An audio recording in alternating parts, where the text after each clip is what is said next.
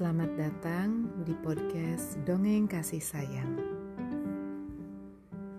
Selamat datang April, bulan yang indah, terutama untuk tempat-tempat di belahan bumi utara. Saat bunga-bunga bermekaran di musim semi. Saya punya banyak pengalaman indah tentang bunga-bunga di bulan April. Dimulai di tahun 2011 di musim sakura.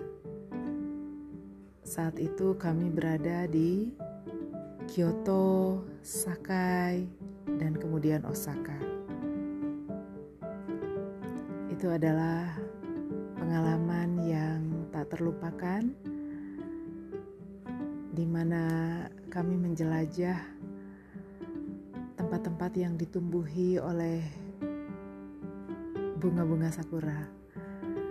Pink, warna pink di mana-mana. Dan semua orang kelihatan sangat gembira. Nah, pengalaman menikmati bunga-bunga itu uh, saya lanjutkan di tahun-tahun selanjutnya yang melahirkan karya berupa cerita-cerita salah satunya adalah buku cerita anak yaitu 8 kisah indah tentang Sakura yang diterbitkan oleh Gramedia Pustaka Utama. Ya, itu kenangan-kenangan yang indah yang menjadi penglipur lara di masa pandemi seperti sekarang ini di mana kita tidak leluasa bepergian. April datang setelah bulan Maret. April adalah bulan keempat dalam kalender Gregorian. April diambil dari nama Dewi Yunani, Aphrodite. April memiliki 30 hari. Apa yang akan teman-teman lakukan 30 hari ke depan? Apa yang akan saya lakukan dalam 30 hari ke depan. Saya ingin menggambar bunga-bunga dan tentang indahnya bulan Ramadan. Saya ingin menulis cerita cerita anak dan menulis apa-apa yang tertunda.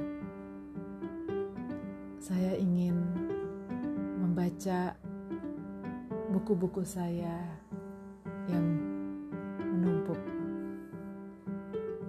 saya dan keluarga ingin bertemu ibu saya dan saya selalu berdoa agar beliau selalu diberikan kesehatan, kesejahteraan, dan kebahagiaan. Amin ya Robbal 'Alamin. Saya juga ingin menjalin silaturahmi yang lebih baik lagi dengan saudara-saudara, dengan teman-teman, dan kenalan.